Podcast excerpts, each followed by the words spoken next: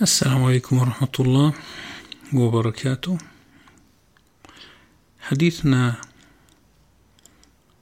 عن التردد في زيارة الطبيب النفسي هذا التردد شائع في المجتمع العربي بشكل يؤدي إلى تأخر المرضى في الوصول إلى العلاج ولا يكون التردد فقط من قبل المريض بل من قبل العائلة والمحيطين.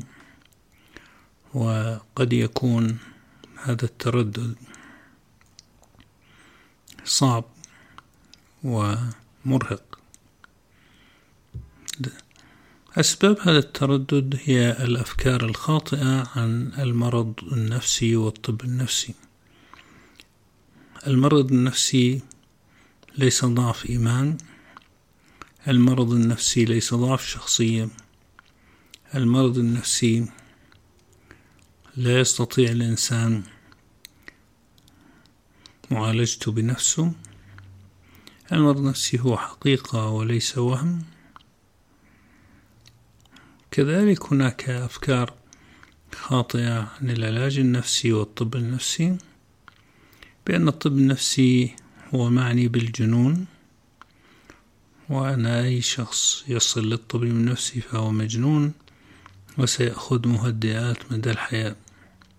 وهذا لا علاقة له بالواقع لأن الجنون بالأساس غير موجود في الطب النفسي وغير مستعمل هذا التعبير. هو العلاج في الاضطرابات النفسية هو علاج نوعي حسب المرض.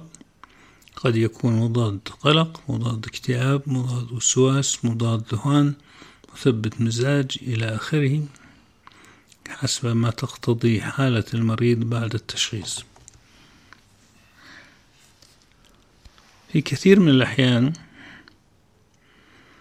تردد الناس في الوصول للطب النفسي يدفعهم إلى اللجوء للمشعوذين وهذا يوقعهم في متاهة متاهة الشعوذة وأشكالها المختلفة التقليدية والحديثة وعبر وسائل التواصل الاجتماعي.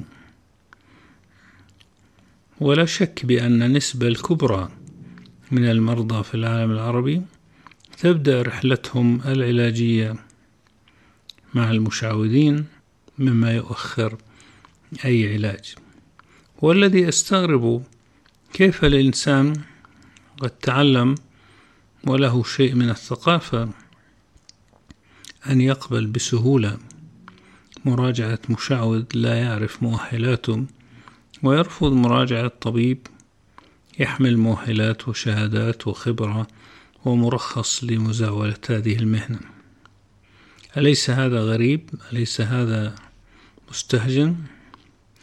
نعم يا سيداتي وسادة أنه أنها الوصمة وصمة العار والخجل من المرض النفسي. وصمة الخجل من المعيقات الكبيرة في الصحة النفسية التي تؤدي بالناس إلى مشاكل واضطرابات كثيرة تكون في نهايتها تفاقم المرض. وعدم معالجته مبكرا. مما يعني أن النتائج لا تكون بالصورة المرضية. لابد أن نكسر هذا الخجل وهذا التردد ونتحدى هذه الوصمة السخيفة التي تعيق حياة الآلاف بل الملايين من المرضى في كل مكان. لا تترددوا. الطب النفسي هو أحد فروع الطب. الطبيب قد درس الطب النفسي بعد إنهاء الطب العام والتدريب به وهو مؤهل لتشخيص ومعالجة هذه الأمراض. بالتعاون مع الاختصاصيين النفسيين آه، الذين يساعدوا في التشخيص والعلاج. دمتم بخير وشكرا.